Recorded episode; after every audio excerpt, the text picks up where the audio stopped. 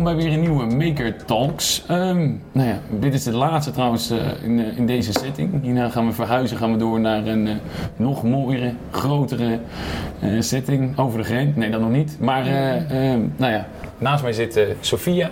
Marcel, ik vertel... Ja, welkom. Hartstikke leuk dat jullie weer bij zijn, dat jullie luisteren of kijken of wat dan ook. Ik zou zeggen, abonneer je als je verder, als je meer wilt horen en meer wilt zien. Um, eventjes wat ik even gelijk wil vertellen. we hebben een hele vette intro die er eindelijk vandaag een keertje goed achter zat, voor zit. die is gemaakt door mijn zusje, de animatie, Sarah van Ploeg. Applaus voor haar. Zeker. Ja, ja, dat is echt een hele vette, vette intro. En de muziek is van Phonom. En dat is een band van, uh, van vrienden van mij uh, uit Utrecht. Oorspronkelijk, de band is ontstaan in Utrecht. Ze maken super mooie elektronische uh, muziek. Ze treden ze deze zomer ook nog op in Amsterdam, onder andere. En volgens mij ook nog in Leiden. Dus zoek ze op, ga ze zien. Hartstikke cool. En dan wil ik nu heel graag de aandacht vestigen op Sophia. Zijn we weer? Sophia, welkom. Ja, dankjewel. Ja, echt ontzettend leuk uh, dat je bij ons wil zijn. Ja, tuurlijk. Ja, uh, we hebben de afgelopen twee weken ontzettend veel samengewerkt aan Heel veel samengewerkt. serie. Ja. Ik jou beter leren kennen en vandaar dat ik uh, eigenlijk meteen dacht van wauw, we moeten Sophia haar verhaal hier in de podcast hebben. Want, dat zei je eigenlijk al voor, voordat je de serie ging maken. Ja, dat zei ik inderdaad toen al. Toen had ik al zoiets van, volgens mij uh, gaat het wel heel erg leuk worden. En uh, hebben we een heel mooi verhaal. En dat werd het ook. Ja, precies. Ja, ja. ja. Uh, nou, we gaan het zo meteen nog wel uitgebreid over die serie hebben. En over je boek en over je praktijk en alle andere supermooie dingen die je doet. Maar we beginnen altijd met één vraag. En dat is, um, vertel jij maar. Ja, nou ja, wie of wat of iets wat jou deze week heeft geïnspireerd. Dat kan een persoon zijn, een situatie of een moment op televisie of op straat waarvan jij denkt, joh, dat heeft me geraakt en dat, uh, ja, daar kan ik iets mee? Uh, ja, ik heb eigenlijk sowieso wel veel, veel mensen of situaties die me, uh, die me inspireren. Ehm, eigenlijk draait mijn hele werk, uh, of, of, drijft eigenlijk een beetje op inspiratie die ik, uh, die ik van anderen uh, krijg. zeker ook, ook met het werk wat ik doe. Ik werk natuurlijk vaak met mensen die best wel in, in hele moeilijke, lastige situaties zitten in het leven. En als die dan ja, moed vinden of kracht vinden, is dat super inspirerend. En deze week was dat een, een dame die ik, die ik in mijn praktijk begeleid. En ja, die toch in, in, in een hele moeilijke situatie zit en daar toch ja, heel veel kracht uithaalt, heel sterk is voor haar gezin en, uh, en tegelijkertijd super veel humor weet te bewaren en, uh, en de hele tijd grapjes aan het maken was toen ik, toen ik bij haar was. Ja, dat vond ik wel echt heel, uh, vind ik wel heel erg inspirerend. En dan, want dan zit je na die sessie zit je daarover na te denken, neem je dat mee naar huis en neem je dat ook mee in je eigen leven om dat te kunnen combineren? Ja, ja, en het is ook wel een beetje mijn eigen filosofie. Ik heb zelf ook wel wat pittige tijden gehad. En uh, ja, op, op het moment dat je, dat je humor uh, goed weet af te wisselen met dingetjes ook tegelijkertijd goed bevoelen en doorleven. En uh, dus niet weglachen. Hè. Sommige mensen die lachen alles weg is, is ook een manier. Dat probeer ik niet te doen, maar daar een goede balans in te vinden. En dus aan de ene kant, ja, om maar even zo te zeggen, te dealen met, met je issues en je, en je shit. En aan de andere kant uh, ook de luchtigheid en de humor uh, in het leven er, uh, ja, in te blijven zien. Zeg je dat dan ook tegen haar? Dat je dat tof vindt hoe zij dat weet te combineren en hoe krachtig Ja, zeker, zeker, zeker. Ik denk dat dat heel, heel uh, empowering is op het moment dat anderen... Je bent je daar zelf niet altijd bewust van wanneer je uh, inspirerend bent voor anderen. Dus ja, ik vind het altijd juist heel erg belangrijk om dat te vertellen op het moment dat iemand... Dat je echt denkt, wauw, ja. wat, uh, wat wij ook de afgelopen weken veel tijdens de serie gezien hebben. Mensen die heel kwetsbaar en heel mooi en open vertellen. Ik denk dat dat juist heel mooi en belangrijk is op het moment dat dat gebeurt, dat je die mensen dat ook vertelt. En zegt van wow, weet je, ik ben onder de indruk, je raakt me, uh, super mooi hoe je erin staat. Uh, ja, dat, dat, volgens mij is er niet echt een toffer compliment te krijgen dan dat, weet je. Nee. Uh, maar hoe ben je bij jezelf erachter gekomen? Dan heeft het ook iemand dat tegen jou moeten zeggen van joh, jij kan het ook zo mooi combineren, waardoor je zo krachtig bent? Of ben je er zelf bij, bij jezelf achter gekomen? Ik, weet niet echt of ik daarachter. Ja, ja, nou ja, in de loop der jaren wordt je dat op een gegeven moment wel, wel gezegd of zo. Maar ik denk, ik denk de manier hoe ik zo zelf ben geworden, is denk ik ook heel, voor een heel groot gedeelte door mijn moeder. Mijn moeder is een hele sterke, pittige tante met, met een hoop temperament. Eh, maar tegelijkertijd ook heel zacht en liefdevol. En heeft hele droge humor. En eh, ja, wist in, in mijn moeilijke tijden. eh, wist zij altijd wel heel goed, goed de humor er ook in te houden, maar ook een luisterend oor te zijn. Dus ik denk, ik, ja, net zoals de meeste kinderen kopieer je natuurlijk je ouders. En dan moet je een beetje mazzel hebben dat je een beetje goede ouders hebt. Ja. Dat je een beetje een goed voorbeeld krijgt. En ehm, ja, en wat dat betreft heb ik met mijn moeder wel redelijk de jackpot eh, eh, eh, gehad, denk ik. Ja. Ja, want eh, ik zou eh, misschien even voor de kijkers, eh, Ja. dat we nog heel even uitleggen wat we nou de afgelopen tijd sowieso hebben gedaan en wat jij daarvoor, waar jij mee bezig bent geweest. Want jij Ja. bent twee keer ziek geweest. Ja, Of twee keer. Ik heb twee keer kanker gehad. Eh, de eerste keer was ik eh 17 en toen kreeg ik de ziekte van Hodgkin in een eh, behoorlijk vergevorderd stadium. En ehm, eh, dat is, ziekte van Hodgkin is eh lymfeklierkanker. En op mijn 33ste, dat was in 2011, kreeg ik eh, een compleet andere vorm borstkanker. En nou ja, zoals je ziet ben ik van beide keren gelukkig genezen. Ehm mazzel gehad daarmee. Ja. Heel erg. En ehm, ja, en in de tussenliggende jaren heb ik heel veel van de eerste keer ziek zijn en de tweede keer ziek zijn, heb ik heel veel ja, opleidingen gedaan en, en heel veel ervaring opgedaan op het gebied van eh, ehm, therapie geven, gesprekstherapie, eh, coaching, ehm, eh, voeding en allemaal van dat soort zaken. Dus toen ik Ja. voor de tweede keer ziek werd, toen wist ik heel veel meer. Ja. En, ik weet eigenlijk niet meer wat we. En toen ben je, nee, nee, nee, dat is heel goed. Je hebt nu even de basis inderdaad. En toen ben je een boek gaan schrijven over eh, jouw ervaringen en eh, ook over, eh, daar ligt hij. De- Ja, Teun etaleert hem even. Koop Ja. het boek, lees het boek. Het is een prachtig boekje, dat is heel mooi. eh, dankjewel. Vertel. En ehm, wat je daar ook in beschreef, eh, wat denk ik voor jou natuurlijk een keerpunt is geweest, is dat jij hebt gerealiseerd op een moment, wacht even, dit wil ik gaan doen. Hier moet ik iets, dit, die kant moet ik op. En eh, daar heb jij natuurlijk, ja, dat is natuurlijk heel bijzonder dat je vanuit die eh, periode, dat, dat je dat om kunnen buigen tot iets waar je zelf eh, een soort van purpose of zo, of in ieder geval Ja. wel iets, een drive of zo voor hebt eh, kunnen Ja. vinden. Ik denk, ik, denk, ik, ik denk dat veel mensen zich daar wel wellicht wel in herkennen. Ik, ik, voor mij was. eh, eh, ik zag heel veel mensen om me heen, zeker ook, ook toen ik eh, eh, aan het studeren was hier in Amsterdam. En weet je, dan zag je best wel veel mensen die hadden een, eh, een passie of die waren heel erg gedreven. En ja, ik vond wel heel veel dingetjes leuk, maar ik had met niks echt zoiets van: oh ja, fantastisch. En nou, ja, ik ben eigenlijk gewoon, ik wilde best wel graag psychologie eh, studeren. Uiteindelijk heb ik, heb ik voor eh, ehm, eh, communicatie gekozen. En ja, een beetje zo'n half reclame, marketingachtige kant ingerold. En ja, en daar kon ik ook niet echt heel erg mijn draai in vinden. Maar ja, en vanuit daar ben ik, ben ik het headhunt vak ingerold. En daar kon ik wel weer veel meer gaan therapieën. Maar toen ik... ehm, En wanneer is dit? Welke periode, welk jaartal? Ik ben denk ik in 2006. Nee, in 2000. Ik kwam in 2005 kwam ik terug uit New York en toen ben ik best wel snel eh, als, eh, eh, als headhunter of als werving en selectie eerst aan, de, aan de slag gegaan. En, ehm, nou ja, en toen merkte ik wel, dat, dat is natuurlijk ook op een hele zakelijke manier, maar dat ik dat, dat, dat gesprek met oké, wat wil iemand, de klantkant en wat, wat kan iemand aan de andere kant.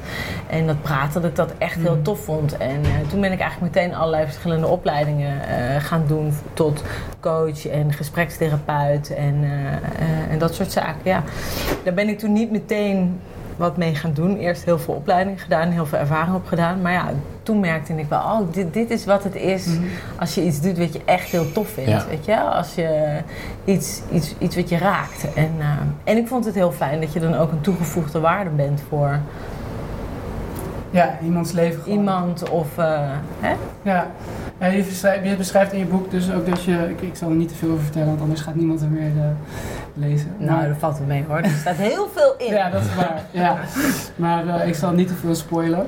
Maar er is dus één punt in jouw leven dat je op het strand was in, in Mexico. Ja. En dat jij toen realiseerde van... Ik, ga die, ik moet eigenlijk dit gaan doen. Want, Toen viel het kwartje. ja, precies. Maar dat, dat, dat moment, dat, dat is denk ik hetgeen wat ik het mooiste eigenlijk vond in het boek. Want ik had zoiets van... Dat, is- dat kan ik me voorstellen dat het zo bijzonder is. Dus dat, dat je dat realiseert van... Dit is mijn eh, ja, drive voor dit. Hier ga Ja. ik, eh, deze kant ga ik gewoon op. Dat, alsof het echt moet of zo. Maar zo ben jij denk ik nu ook wel bezig. Eigenlijk door... Dat je echt wordt gedreven door iets waar je gewoon bijna niet tegen kan verzetten. Nee, ja, en zo, zo voelt dat ook Ja. inderdaad. Weet je? Ik bedoel, tuurlijk zijn er lange werkdagen en, er zijn ook, net zoals bij ieder werk, zijn er ook een paar kleine dingetjes die, die, je- die je minder leuk vindt. Maar ja, met, met het werk wat ik nu doe, en, en dat zet ik best wel breed in. Eh, ehm, want het, ik, weet je, ik heb maar twee dagen in de week dat, eh, dat mensen bij mij eh, op de bank zitten. Ja. Want jij begeleidt of jij helpt mensen die op dit moment ziek zijn. Of mensen die naast hun staan. Allebei. Ja, ik, ik Ja. begeleid eh, voornamelijk kanker- en ex-kankerpatiënten. Ja. En, en hun eh, geliefden. Eh, dus, en dat, dat komt in verschillende vormen. Soms zijn dat ouders, soms zijn dat partners en soms Ja. zijn dat de kinderen. Hè? Soms zijn de, de ouders al heel veel ouder. En, eh, ehm, ja, en, en die, en die begele- dat is de grootste groep. Maar daarnaast zijn er ook andere mensen hoor. Er zitten ook regelmatig mensen met, eh, met een burn-out of met, met andere klachten. En, eh, maar meestal altijd wel, ja, wel een beetje de wat, wat intensere, heftige dingen. Ja. En, in- en in welk stadium komen ze dan bij jou terecht? Heel verschillend. Soms, sommigen die hebben echt eh, een paar dagen daarvoor te horen gekregen eh, dat ze kanker hebben. En de anderen, eh, ja, die, die, die zijn inmiddels al een ex-kankerpatiënt. En die zijn het hele traject al door. En die hebben heel veel moeite met het leven weer op te bouwen. Dus dat, dat is onwijs wisselend. En dat vind ik zelf ook, ook heel interessant. En, eh, eh, en ja, en kanker is natuurlijk zo'n enorme brede, brede, grote ziekte. Ehm, Hè, dat, hoe, hoe dat eruit ziet en hoe zo'n proces gaat is zo wisselend. Ehm, weet je is het een man of is het een vrouw? Wat voor type kanker is het? Waar zit diegene in het stadium? Is het, eh, nou ja, kanker is natuurlijk eigenlijk bijna altijd levensbedreigend, maar is het, is het echt eh, kantje boord, echt gevaarlijk, weet je wel? Is, is er ook daadwerkelijke levensdreiging? eh, heel concreet? Of is er best een hele grote kans dat, dat iemand het overleeft, weet je wel? Dat zijn allemaal heel veel Ja. verschillende aspecten eh, eh, die zo'n eh coachingtraject of zo'n begeleidingstraject ook, ook heel interessant kunnen maken. Ja. Dus je hebt natuurlijk ook ehm, ontzettend veel onderzoek gedaan naar voeding en, en je psychische gesteldheid en hoeveel invloed dat kan hebben op kanker en natuurlijk ook gewoon op je hele mindset. Dat Ja. het, hoe, ehm, en dat neem je ook mee, denk ik, eh, in die. Ja, en daar komen ze ook voor. Daar komen mensen Ja. juist voor. Eh, want ik ben heel pro eh, ziekenhuis, pro naar je arts luisteren, pro eh, behandelingen. Eh, maar ja, heel veel mensen hebben zelf ook zoiets van: ik wil zelf ook iets doen. En, ehm, en even los naast het feit dat ze hele praktische dingetjes zelf willen doen, zoals voeding of, of een, een goed aangepast sportregime of, eh, of dingetjes zoals supplementen slikken, ehm, eh, willen mensen ook heel vaak eh, gewoon goede begeleiding. Weet je wel? Want het is een heel pittig traject om op heel veel verschillende vlakken. Want ja, op het moment dat je kanker krijgt, nou, de, meestal reageert de omgeving super heftig. Logisch, want het is natuurlijk ook best een hele heftige ziekte. Maar ja, je zit al in een heel heftig proces en dan gaat je omgeving ook nog een keer heel heftig reageren. Ehm, eh, het kan best wel behoorlijk impact hebben op ehm, in je huwelijk of je relatie of met je naaste omgeving of met je familie. Eh, ja, en daar vinden mensen best wel lastig om daar goed, goed hun weg in te vinden. En daarom komen ze vaak ook niet alleen. Eh, meestal wel, maar de, de- een partner is, is af en toe ook, ook welkom. En soms is het, is het heel gewenst dat, eh, dat eh, iemand meekomt en soms ook niet. Dat, dat, dat ligt eraan. Het ligt ook heel erg aan de, aan de cliënt zelf, wat, wat, wat diegene zelf gaat wil, graag wil en waar diegene behoefte aan heeft natuurlijk. Ik bedoel, dat, ja, dat is onwijs wisselend. Ja. En, en willen ze jou dan graag gebruiken in een adviserende rol of een sturende rol? Dat ze zeggen, Sofia, help mij. Ik ben, mee. nooit, ik ben nooit een sturende rol, want ik, ik vind daar, daar is de ziekte veel te grillig voor. Eh, ik, ik ben veel meer een klankbord. En eh, wat ik met mensen doe, is echt gewoon uitpuzzelen. Zo van, oké, want eigenlijk is het op het moment, vanaf het moment dat je hoort dat je kanker krijgt... tot het moment dat je het mag overleven of, of je sterft, is het eigenlijk bijna één groot keuzetraject. Nou ja, en daar zitten heel veel. En soms zijn die keuzes heel lastig en voelen ze eigenlijk niet eens als een keuze. Maar. Wat zijn er dan? Wat voor, wat voor keuzes kom je allemaal nou ja, uh, um, laat je wel of niet opereren. Um, chemo, uh, weet je, dat, dat, doe je dat wel of niet? en soms zijn er ook opties. Hè? Soms is het van, ja, doe je eerst chemo of doe je eerst een operatie? Of, ja, weet je, er heel veel verschillen. En dan heb ik het nog maar over een soort van een beetje de standaard basale opties. laat iemand zich na chemo en een operatie nog extra bestralen of juist hmm. niet. Vroeger, uh, dat hoor je natuurlijk nu ook veel in het nieuws over. Er werd natuurlijk best wel een hele lange tijd best wel zwaar overbehandeld. Weet je, met het idee laten we alles maar goed elimineren. Uh, maar, maar dan is het maar weg. En dat, daar zit best heel veel logica achter natuurlijk, achter dat idee. Het nadeel daar alleen van is, is dat ja, het lichaam ondervindt ook heel veel schade en, ehm, eh, van, al die, van al die behandelingen. Uh, en dat heeft weer, kan weer een enorme invloed hebben op de kwaliteit van het leven. Dus nou ja, ik help mensen eigenlijk veel meer die hele menukaart die ze krijgen. Hè, van aan, aan de ene kant van het ziekenhuis en aan de andere kant wat ze dan, waar ze zelf behoefte hebben aan. Uh, uh, want bij mij komen mensen voor mindfulness, meditatie, uh, emotionele begeleiding, um, um, uh, maar ook energetisch werken, soms psychosomatische stukken uitwerken, um, voeding, praktische dingetjes. Nou ja, dan heb je zo'n enorme menukaart en dan gaan we gewoon samen kijken van, nou ja, waar ligt de behoefte? Wat, wat is het advies van de, van de arts? Dat, dat weegt natuurlijk heel zwaar. Zit hij er ook wel eens bij, de arts? Nee, nee, nee, nee, nee. De arts, de arts zit, zit daar nooit bij. Het is, het is uh, het is aan mijn cliënt of aan mijn klant gewoon om heel duidelijk over te brengen uh, wat ze in het ziekenhuis gezegd hebben. En, uh, en eigenlijk bemoei ik me daar ook vrij weinig mee. In de zin van, weet je, ik, ik vind dat is ook mijn plek niet. Mensen moeten uiteindelijk, dat is ook heel erg wat ik in mijn boek beschrijf, hè? doe wat jij voelt dat, dat, dat goed is voor, voor, voor jou is. En, en er is niet uh, dat geldt eigenlijk of, of, of je nou kanker hebt of, uh, of iets anders, of met iets anders lastig in het leven aan het, uh, aan het worstelen bent. Je, de enige manier waarop je echt soort van een oplossing vindt, is, is door goed bij jezelf naar binnen te kijken en goed te voelen wat, wat, wat voor jou werkt. En dat is soms best even een puzzel om dat uit te zoeken. En uh, zeker als je veel mensen om je heen hebt die zich daar ook nog mee gaan bemoeien. En allemaal meningen over hebben. En dat heb je natuurlijk met kanker.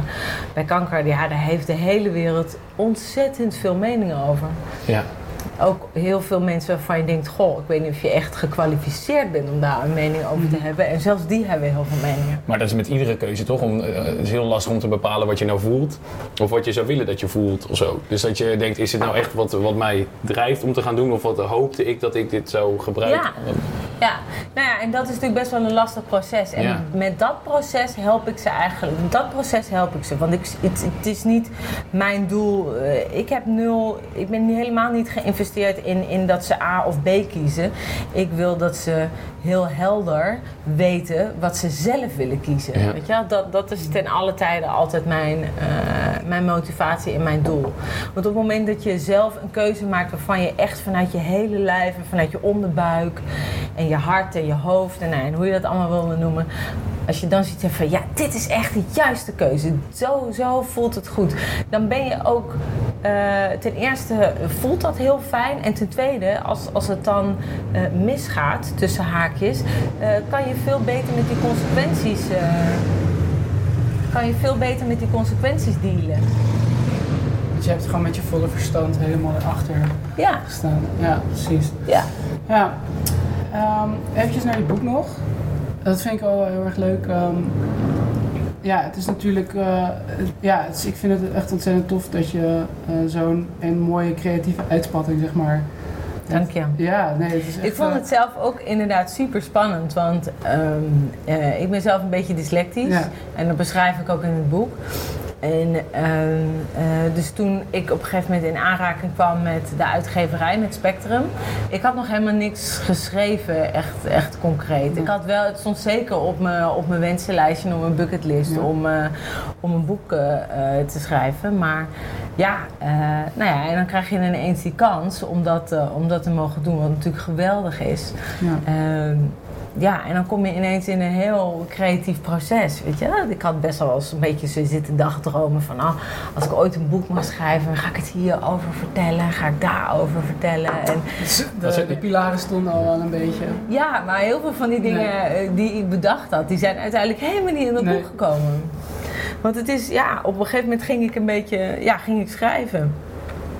En uh, vanuit de uitgeverij zeiden ze, best wel, uh, zeiden ze best wel van nou, schrijf het maar chronologisch. Want uh, ik wilde zelf met flashbacks schrijven.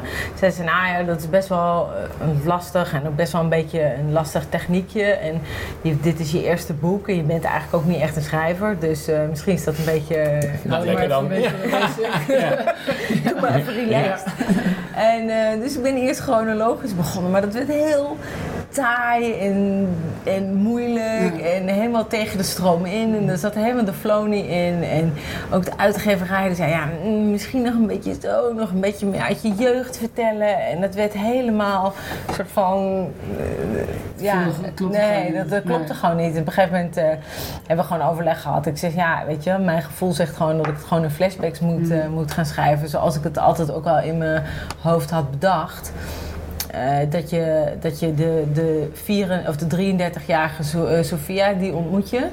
En die krijgt voor de tweede keer kanker. En die, tijdens, die, uh, tijdens die lijn heeft ze, heb ik steeds flashbacks naar hoe het de eerste keer was. Ja. Nou ja, en zo, zo heb ik het opgezet. Nou ja, en toen rolde het eigenlijk redelijk relatief soepel uh, uh, uit de pen. Um, dat ging uiteindelijk heel goed hoor, maar alsnog is het echt, echt een berenklus. Want er zit natuurlijk een deadline. Hè? Een deadline is killing voor je creativiteit. Mm. Maar ja, tegelijkertijd moet je ook gewoon meters maken. Want als ja. je alleen maar schrijft op het moment dat je, dat je geïnspireerd voelt... of dat je denkt, oh, nou, ik heb er wel zin in... dan uh, duurt het honderd jaar voordat je... Hoe ging dat? Ging je echt, had je een speciaal plekje of zo waar je lekker kon schrijven? Nou, ik heb, ik heb toen. Uh, uh, ja, ik, ik ben eigenlijk, eigenlijk gewoon gaan schrijven. Echt gewoon elke dag. En ik had, ik had Thuis? Nee, op, op mijn kantoortje. Hm. En, of, ja, en daar, daar ben ik gewoon aan de slag gegaan. En ik heb voor mezelf gewoon ja, een redelijke strakke deadline hm. gemaakt van elke dag 1500 woorden. Oké, okay, netjes. Nou. Ja. ja. En de Hoe ene... heb je er over gedaan in totaal? Ik denk uiteindelijk hebben we een maand of negen ah. over gedaan. Dus die 1500 woorden heb ik no way nee gehaald. Maar er zat ook nog wel dat eerste gedeelte met die moeizame chronologische versie bij Ja, precies. Want uit wat je, wat je schrijft en wat uiteindelijk overblijft... Je schrijft, laat maar zeggen, drie boeken en dat wordt... Dat filter je tot één. En, en de, door alle editrondes ja. en... Uh, dat is moeilijk als ze daar dan jouw verhaal... Als jij je verhaal dan helemaal hebt opgeschreven... dat zij vervolgens dan met een dikke stift... Nee, nee, dit willen niet, dit willen nee, niet. Nee, nee, dat was helemaal niet. Want ik heb echt de allerleukste, liefste editor... Uh, uh, Yvonne Brok was mijn editor. Die kreeg ik van van uh, uitgeverij Spectrum kreeg ik die toegewezen. Nou, daar ben ik echt heel dik mm. met mijn neus, uh, weet dat? In de boter gevallen. Ja, onwijs. Ja. En uh, ontzettende leuke lieve meid die, die meteen aanvoelde wat ik wilde, hoe ik het neer wilde zetten, waarom ik het wilde vertellen, wat mijn, welke ja, tone of voice ik wilde gebruiken. Die, die begreep mij gewoon. En zij had zelf ook net kanker gehad. Dus, okay. uh, dus daarmee, uh, dat vond ik in het begin een beetje spannend. Toen dacht ik, oh mijn god, maar die zit dan misschien heel erg in de eigen mm. ding. Ja. Maar ja. dat, dat zat ze helemaal okay. niet. Dus, dus ja, dat was echt heel fijn. Dus ik schreef één of twee hoofdstukken en dan ging het naar haar. En uh, ja, en soms kreeg ik het teruggeëdit terug. Um, en dan kon ik eigenlijk, want de editors werken altijd met een versie waar je ziet wat ze in hebben veranderd. En de versie die helemaal clean is, waarbij je dus, dus wel geëdit hebben, maar je ziet niet wat ze. Hmm. Weet je, er zijn alle rode strepen uit. Dus, en ik las eigenlijk altijd alleen maar de versie waar die rode strepen allemaal niet in stonden. En dan zag ik eigenlijk nauwelijks dacht ik, soms dacht ik wel eens van, heeft het nou wel geëdit, joh? Is er weer niks gedaan? Is er weer niks gedaan? Doe eens wat. Nee, dus dat, dat, dat, dat voelde heel lekker. Ja. Uh, uh, weet je, ik ben natuurlijk een beetje dyslectisch, dus soms zijn mijn zinnen een beetje krom en de deetjes en de teetjes en uh, de puntjes en de komma's. Ja, en zij kon dat gewoon heel mooi glad strijken en uh, ja, dat, dat was heel fijn. En, Ja. en ik vond het heel tof. Ik, had natuurlijk, ik ben natuurlijk zelf, eh, ja, weet je, als, je, als jong meisje kwam ik erachter dat, dat ik dyslectisch was. Nou ja, dan het eerste, de eerste, niet dat ik destijds die droom had, maar ja, weet je, als je dan later op een later moment gaat denken van, nou ja, ik wil ooit nog een keer een boek schrijven, dan... Kan daar een kruisje doorheen. Ja, dan, ja. de meeste mensen zetten dan voor jou al wel van daar. Een boek schrijven jij? Nou, ja, dat, zou je dat nou wel doen? Ja, precies. Ja. Uh, dat is best wel vaak gezegd. Ja? Dus uh, ja, echt. Ja, dat is, ik kan me voorstellen dat, ze, dat iemand zoals jij dan juist denkt van, hmm, dat ga ik, dat dat je extra motiveert. Ja, ja. zeker, is zeker waar ja. ja, ja. En was tijdens het schrijven niet heel moeilijk om uh, uh, nou, die twee hele moeilijke periodes weer her te beleven? Want je dook er weer helemaal diep in. Nee, gek genoeg niet. En daar was ik uiteindelijk super blij mee. Want het gaf mij echt een teken van dat ik dacht: nee, dat wist ik ook al wel hoor. Maar het, het was een hele fijne bevestiging. Dat ik dacht: nee, ik heb mijn stukken, mijn twee moeilijke periodes, echt heel goed doorgewerkt. En uh, ik weet daardoor heel goed wie ik wel ben en wie ik niet ben. En ja, ik vond het juist een hele fijne bevestiging dat ik dacht: ah, nou, weet je wel, want anders kan je ook niet een goede therapeut zijn, vind ik persoonlijk. Hè? Op het moment dat je. Dat je eigenlijk gewoon al je eigen issues soort van uh, onder het kleed hebt. Uh, ja. dus nee, dat, dat, natuurlijk waren er af en toe wel stukjes dat je dacht, oh ja, ja, weet je wel, dat vond ik echt wel wel heftig. Zoals het stukje van mijn, van mijn operatie schrijven. Weet je, dat, dat was voor mij dat, dat mijn borsten eraf moesten. En ja, dat heb ik echt, daar moest ik wel even, even een keer een traantje wegpinken of zo. Maar het is echt niet zo dat ik met een enorme box tissues. Nee, huilend. Maar er was ook echt dat, alle, eh, dat, dat, stuk in het boek wat mij ook echt het allermeest heb geraakt. Dan zeg je op een gegeven moment, uh, dan kreeg ik een knuffel en toen voelde ik gewoon zoveel moederliefde of zo. En dan denk je ja. echt, ja man, het is... Uh, nou ja, het is zo zwaar waar je, dan eigenlijk helemaal doorheen bent gegaan. Dan kan ik me heel goed voorstellen als schrijver zelf. En als ik heb meegemaakt dat het dan een hele bizarre rollercoaster is. Maar dat is dus niet zo gebleken. Nee, het, ja, de, de, de, periode zelf wel. Maar het, het, het schrijven viel eigenlijk, viel eigenlijk heel erg mee. En het, het was wat ik gewoon er... Um, wat ik er heel bijzonder aan vond, is dat ik, um, uh, en dat heb ik wel vaker met, met, met, een, met een creatief proces of met de dingen die ik maak en doe. Uh, ik ben best wel aan de ene kant ben een hele nuchtere achterhoeker. Dus ik wil altijd wel de dingen lekker praktisch zijn en lekker nuchter en handjes en voetjes hebben. Maar tegelijkertijd ben ik ook best wel spiritueel.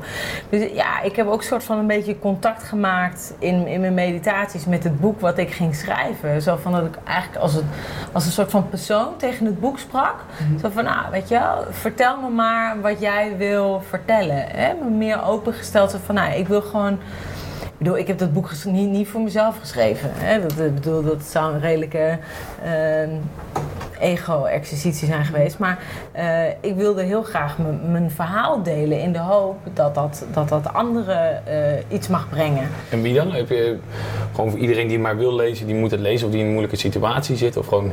Zo heb ik het wel een beetje ingezet. Want ik, ik uh, en dat is ook wat ik tegen de uitgeverij destijds heb gezegd. Ik weet niet of het echt op die manier ook zo gelukt is. Maar van, ik heb niet heel erg behoefte om nou heel erg een verhaal te schrijven over een meisje dat kanker krijgt. En dan krijgt, oh zielig. En dan krijgt ze nog een keer kanker, oh weer zielig. Weet je wel, ik, ik wilde niet een enorm tranentrekker verhaal uh, uh, schrijven.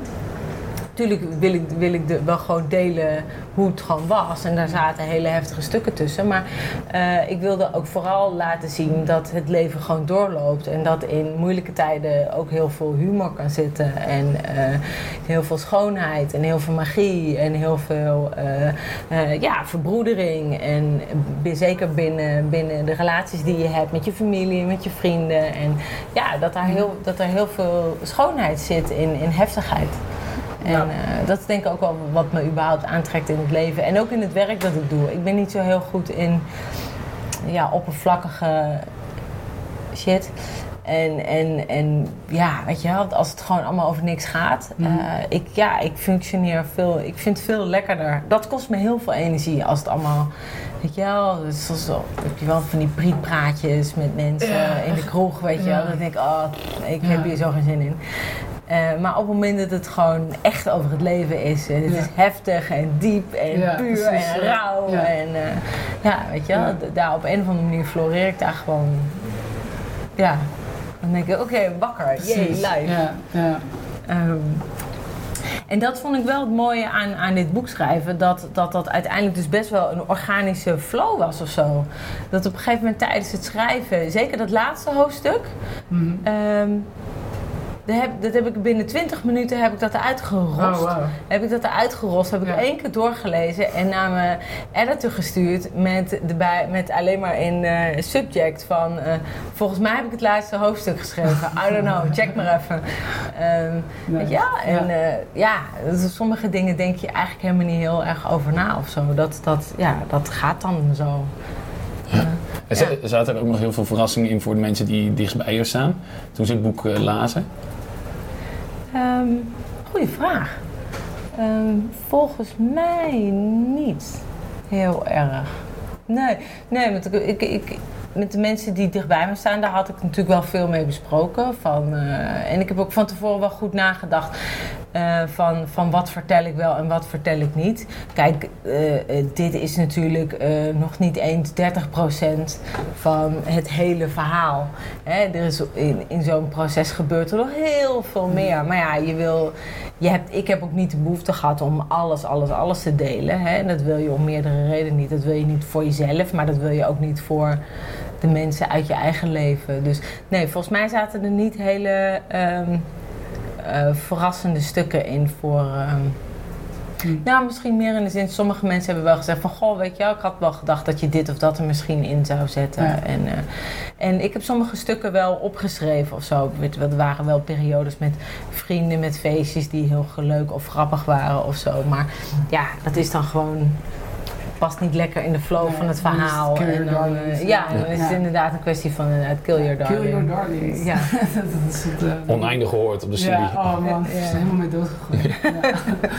ja, nee, ik vind dat ook altijd echt het moeilijkste in het hele proces eigenlijk. Is als je gewoon, nou, in mijn geval eh, is het dan vaak met video's, dat je dan ehm, een video hebt die dan eigenlijk wel net iets te lang duurt voor je gevoel. Maar alles erin is relevant. En dat je dan heel lang aan het zoeken bent van ja, wat moet er dan uit? En dan doe, je hem, even- doe ik hem even weg. En dan een uur later kijk ik het weer of een dag later. Dat werkt nog veel beter. Dat je dan zegt, ja, waarom zit het er nog in? Het kan er gewoon Ja. uit. Laat je niet vaak even door iemand anders kijken er tussendoor? Ja, maar dat, ja, dat doe ik ook wel. Ja, zeker. En dat werkt ook, eh, dat werkt meest 9 van de 10 keer ook wel heel goed. Maar ehm, soms als je met z'n tweeën zit te editen, dan zit je er zo in dat je dan ook. ehm, en ik laat het dan toch wel liever ook zien aan mensen die. Waarvan ik, een mening, waarvan ik een mening heel erg waardeer, zeg maar. En dan, Dat je weet dat die een goed oog hebben. Precies, Ja. zo van ja, die gaat er wel eh, iets zinnigs over zeggen. En ik ben altijd bang dat als ik, ja, zo, ja, mensen die er misschien net wat minder in zitten of zo, die dan iets gaan zeggen wat ik dan liever eigenlijk toch er niet uit zou willen of zo. weet je wel. Ja. Dus, maar ja, heb je ook vaak dingen dan helemaal, even helemaal weg moeten doen en dat je dan later weer ging kijken en dat je dacht van, oh wacht, dit past eigenlijk totaal niet in het verhaal. Of dat je, Ja, ik had, ik had zeker wel een aantal stukken waarvan ik dacht van... oh, weet je, dat, dat, wat ik dan van tevoren zo heel erg had bedacht. Hè? Mhm. Al- Alles wat ik... Ja, want dat lijkt me dus ook best wel lastig. Want ik vind dat zelf met een video heb je zeg maar... eh, ja, we gaan hier naar de volgende scène, die, en dat, klopt dan met dat. En dan uiteindelijk is het een leuk geheeltje. Want daar waren we in het begin waren we, eh, hadden we het over iets wat eh, op het einde ook weer terugkomt. En met een boek schrijven denk ik dat dat proces misschien nog wat lastiger uit te werken is. Omdat je natuurlijk echt, nou ja, hoeveel pagina's? Eh, 180 of zo, Ja, weet ik veel, 180. 200. Dat je dan echt 200. 200. Dat je dan al, voordat je gaat schrijven, als je aan je eerste zin begint, moet je eigenlijk al een beetje weten waar je natuurlijk, of hoe, hoe puzzel je dat in elkaar? Dat, Ja, met, met die flashbacks heb ik echt gewoon eh, boven mijn bureau heb ik Mhm. een, eh, een tijdlijn gemaakt, Ja. twee tijdlijnen. Eh, de ene was eh, 2011, 2012 eh, en de andere was eh 94, 95, 96. Ja, en dan ben ik gewoon met kleine post-its gewoon gaan, gaan gaan, plakken. Ja. En eh, sommige post-its kregen een streepje en een kruisje. En Mhm. eh, ik weet nog wel dat ik een heel stuk eh, in de tweede tijdlijn, vlak voor mijn operatie, ging ik met, met vriendjes en vriendinnetjes gingen we naar ehm, eh, Festival Appelsap in het Oosterpark. Ja. Dat was toen nog in het Oosterpark. En ja, dat was een onwijs leuke dag. Waar tegelijkertijd ook best wel veel. Waarbij ik tegelijk, een hele leuke dag, maar waarbij ik destijds ook onwijs in mijn hoofd zat. En heel veel realisaties had over wat er ging komen, wat ik ging verliezen. En, en Maar dat was de laatste keer dat je een feestje ging ja, doen. ja, toch? dat, Was, dat was de laatste keer dat- dat ik, dat ik een leuk feestje had voordat ik eh, geopereerd werd.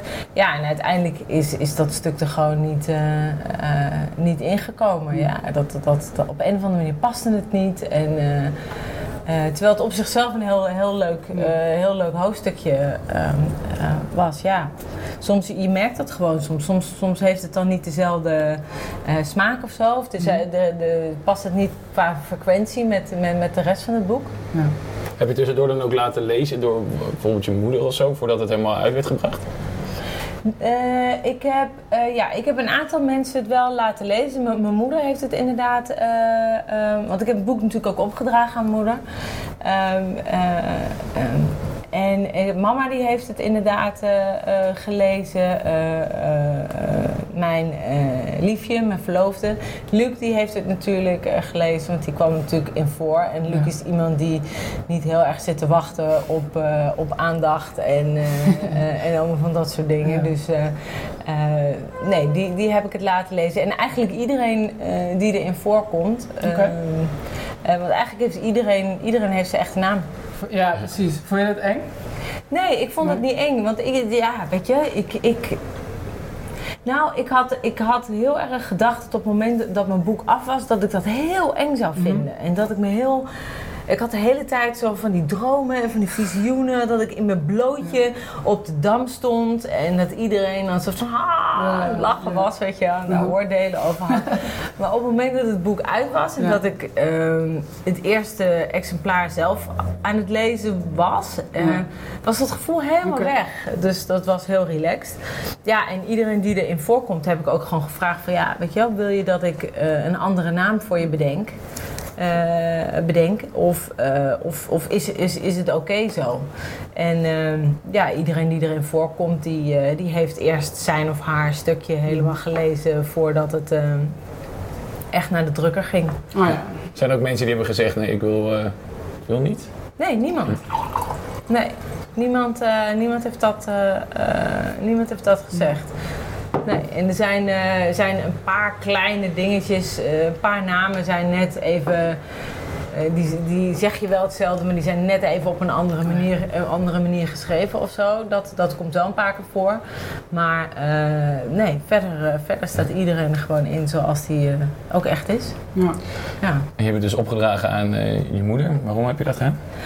Nou, vooral omdat ehm, ehm, terugkijkend, want dat, dat is wel het hele mooie wat, wat zo'n eh, wat, wat zo'n boek schrijven doet. Is, eh, is dat het dus niet moeilijk. Weet je wel, je vroeg me, je stelde me zo straks de vraag van goh, eh, is, het, is het, weet je wel, rakel je dan alles weer op en word je dan weer opnieuw verdrietig? Nou, dat niet. Maar wat het boek wel heel erg brengt, is dat het. Eh, je wordt door het schrijven van het boek, of do- door, het door je eigen verhaal te schrijven, word je heel erg gedwongen ehm, alles nog heel goed de eh, revue te laten passeren. Ja. En dan kom je er ook ineens achter dat bepaalde mensen ehm, echt uitzonderlijk, bijzonder krachtig en sterk naast je in je leven staan of hebben gestaan in die, eh, in die periode. En Want je herbeleeft eigenlijk je hele relatie op dat moment. ja, ja. je legt alles heel erg onder de loep. Mhm. En eh, Waar je misschien normaal niet helemaal heel erg bij stil zou staan. Nee, want je- we, we zijn natuurlijk allemaal druk en Ja, je, wordt meegesleurd in, door de waan van de dag. En eh, hoe vaak sta je nou echt stil bij je vriendschappen Mhm, en bij je familierelaties en wat die betekenen voor jou en, eh, en wat jij betekent voor hun. Ja, en, en door, door dit verhaal te schrijven. ehm, ja, werd ik daar enorm toe, toe gedwongen dat, dat, dat, dat te bekijken. En, ehm, ja, en, en daar kwam mijn, onder andere mijn moeder echt wel als de allergrote, allergrootste rockster eh, eh, naar voren. Ja, heel, eh, vond, ik- vond ik heel fijn. Zij is, mijn moeder is, is heel, ja, het gewoon echt, echt zo'n klassieke moederleeuwin, weet Mm. je wel. En, ehm, en heel liefdevol. Maar ook een van mijn beste vriendinnetjes, Ellen. Dat vond ik ook heel bijzonder. Die ken ik al mijn hele leven. En we komen uit hetzelfde dorp. En zeker toen ik dit boek aan het schrijven was, werd me eigenlijk ineens duidelijk hoe, uh, ja, hoe, hoe jong we toen ook waren, we waren iets van 16 en 17, dat zij al zo goed naast mij kon staan en goede vragen kon stellen. En nou ja, dan hadden we tijdens Ja. de serie hadden we het daar ook Ja. over. Hebben, hebben we Ellen ook geïnterviewd. Of jij hebt Ellen en mij, eh, jij heb hebt Ellen en mij geïnterviewd. Ja. dat vond Nou, ik heel, over. ja, vond ik echt heel, eh, heel bijzonder. Zeker toen ik het boek aan het schrijven was, dacht ik, holy crap.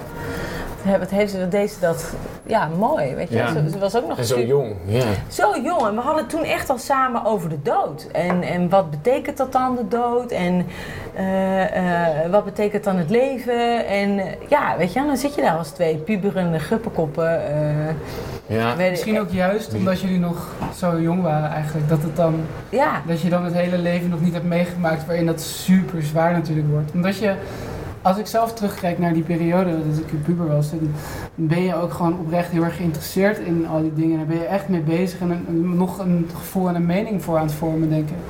Tenminste, ik, ja. dat- Onbevangen ben je. Ja, precies. Ja, je bent gewoon.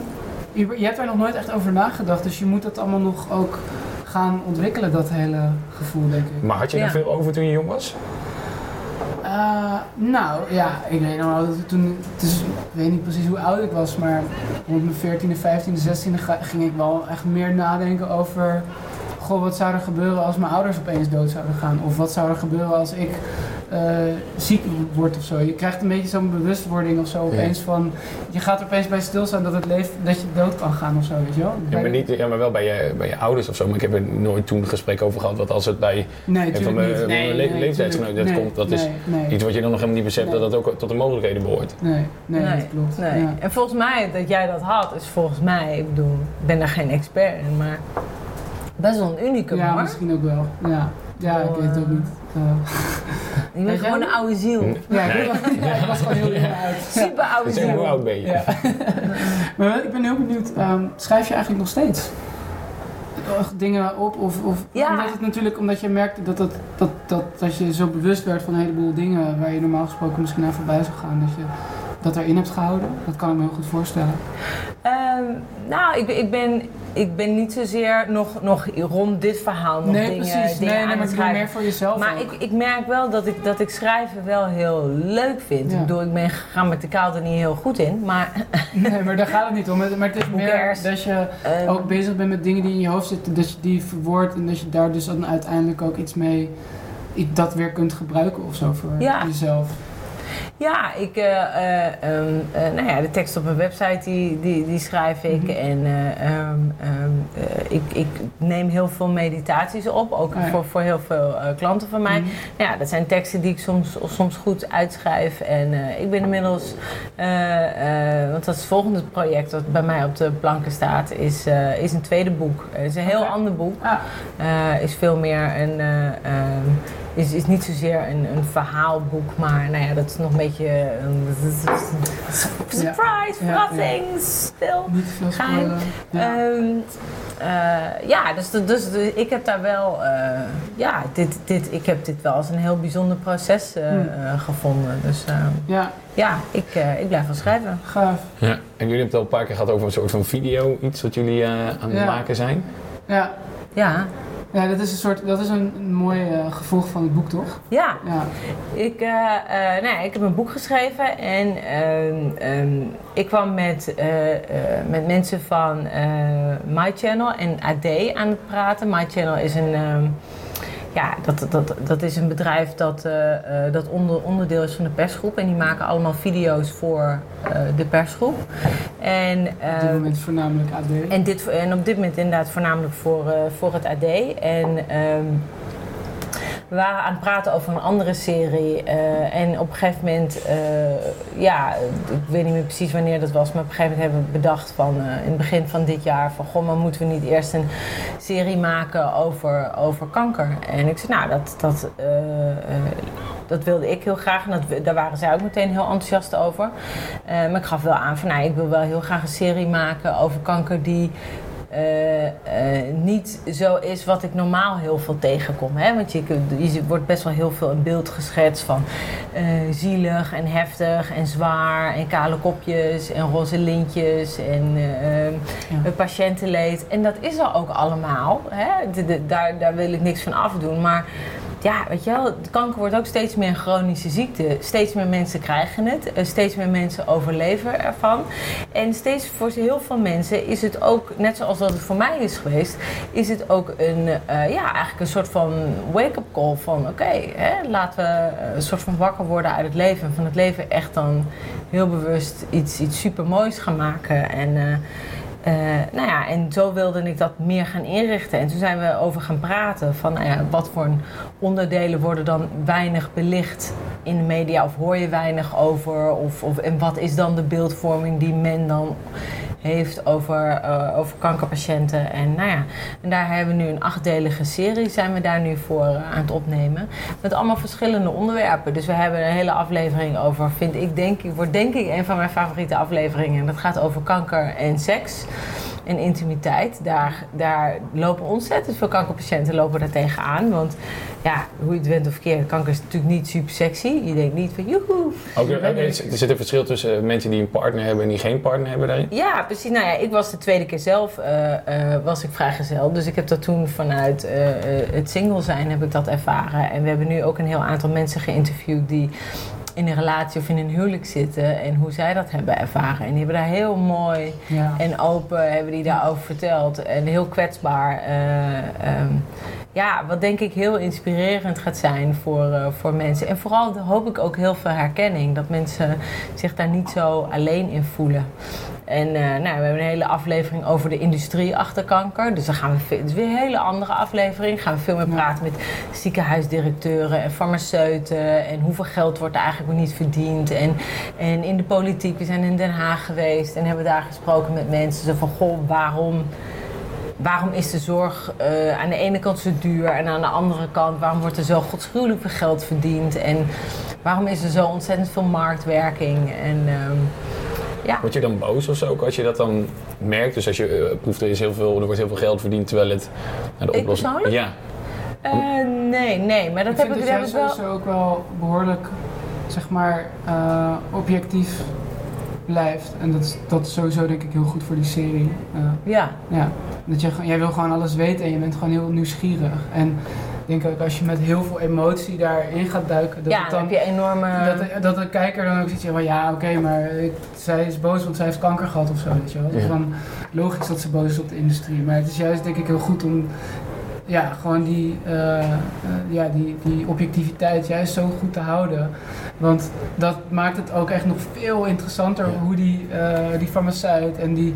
We, zijn, we hebben ook echt gesproken met bijvoorbeeld een arts die helemaal anti uh, alle dingen die je naast de reguliere behandeling Alleen maar pro-wetenschap. Precies. Zo van ja, je luistert gewoon naar je arts. Die, die weet, die heeft ervoor gestudeerd. En als je dan zelf dingen wil gaan doen, ja, dan uh, kan je gewoon wegwezen. Want zo doen we dat niet. We moeten gewoon naar mij luisteren. En dat was zo gewoon een hele, echt een starre man, weet je wel. En jij bleef gewoon heel beleefd en gewoon heel nieuwsgierig. Van, hè, maar waarom dan? Hoezo niet dan, weet je wel. Ja, maar daar, daar maak je het alleen maar geloofwaardiger. Ja. En, dat is, ja, en ik denk dat dat ook weer terugkomt op dat stuk, weet je wel. Dat op het moment dat je, denk ik, iets, iets moois wil maken, um, um, is het, of nee, misschien is dat de verkeerde bewoording, maar ik geloof wel dat op het moment dat je iets van waarde wil maken, dan is het wel belangrijk in ieder geval vind ik het belangrijk in, het, in de dingen die ik maak en creëer. Um, dat ik er gewoon niet te veel met mijn eigen ego en met mijn eigen mhm. verhaal en met mijn eigen emoties de hele tijd in zit. Want, want dat maakt het heel veel te gekleurd, weet je. En je wil juist uh, dat dat, en vooral in deze serie, ik wilde juist alle kanten laten zien. De serie heet Sofia zoekt verder. Uh, dan moet je ook wel natuurlijk wel echt een beetje verder willen zoeken. Maar er zijn wel uh, persoonlijke elementen door dat gesprek bijvoorbeeld met Ellen, wat je dan hebt gevoerd. Je wil wel ze daar ook in meenemen. Nou ja, de, de, je, je, je volgt eigenlijk mij een beetje. In de serie zit je eigenlijk een beetje in mijn hoofd. En, uh, en dat ik dus al, al die verschillende onderwerpen, en er zijn nog heel veel meer onderwerpen over. We hebben een hele aflevering over hoe maak je nou moeilijke keuzes? Hoe, hoe doe je dat? En hoe ga je om met je sociale omgeving? Wat gebeurt er met vriendschappen? En, Um, je werk, wat er gebeurt als je... Ja, wat, wat gebeurt er met je werk op het moment dat je kanker krijgt? heel veel verschillende afleveringen. Echt heel tof. Echt heel veel. Het is echt, eh, nou, we hebben eh, in, eh, we zijn in tien dagen zijn we echt het hele land door gecrossed. We hebben, Hoeveel we hebben- sprekers? ja, even Twee interviews per dag. Minstens 16, dus, en we hadden ook nog een heleboel duo's. Dus ik denk dat we, en volkspost, mensen op straat gesproken, ik denk dat er wel 30 losse verschillende interviews in zitten. Succes En met monteren. Ja, ik, gelukkig hoef ik het niet te editen. Ik heb het alleen geregisseerd. Ja, ik heb nu Ja. al medelijden met David. Ja, David is onze, is onze regisseur en Ja. cameraman en editor. En eh, ja, succes David. Shout-out naar David. Ik ben heel benieuwd naar die serie. ja. Ja, Ja, ja eh, de planning is nu, of ik weet niet of het ja en eh, ja, we, vert- we vertellen het iedereen. Gewoon, er luistert toch Eh, niemand. Tuurlijk wel. Luister super veel mensen. Ik kan niet zeggen. eind, eh, eind augustus, eh, begin september is de Ja. verwachting. We weten nog niet helemaal precies. We zitten natuurlijk nog met meerdere, meerdere planningen van, eh, van het AD en eh, andere dingen die zij nog meer op de plank hebben liggen. Dus, eh, plus David moet eerst, ehm, eerst deze Er monster zit nu een maand uh, montagetijd in, als het niet meer is. Ja. Ja. Maar dan heb je ook wel wat. Maar nog eventjes over, ehm, want het is zeg maar vanuit jouw eh, perspectief, dus vanuit jouw hoofd. En eh, jij vraagt je een heleboel dingen af. En, eh, maar er zit zeg maar, eh, die drive zeg maar, die je hebt, die komt zeg maar wel heel erg eh, naar voren. Ondanks dat het zeg maar niet per se heel erg jouw mening en het niet heel erg gekleurd is. En dat vind ik ook wel heel erg interessant, zeg maar, want we hebben een heleboel mensen gesproken uh, die uh, met kanker te maken hebben.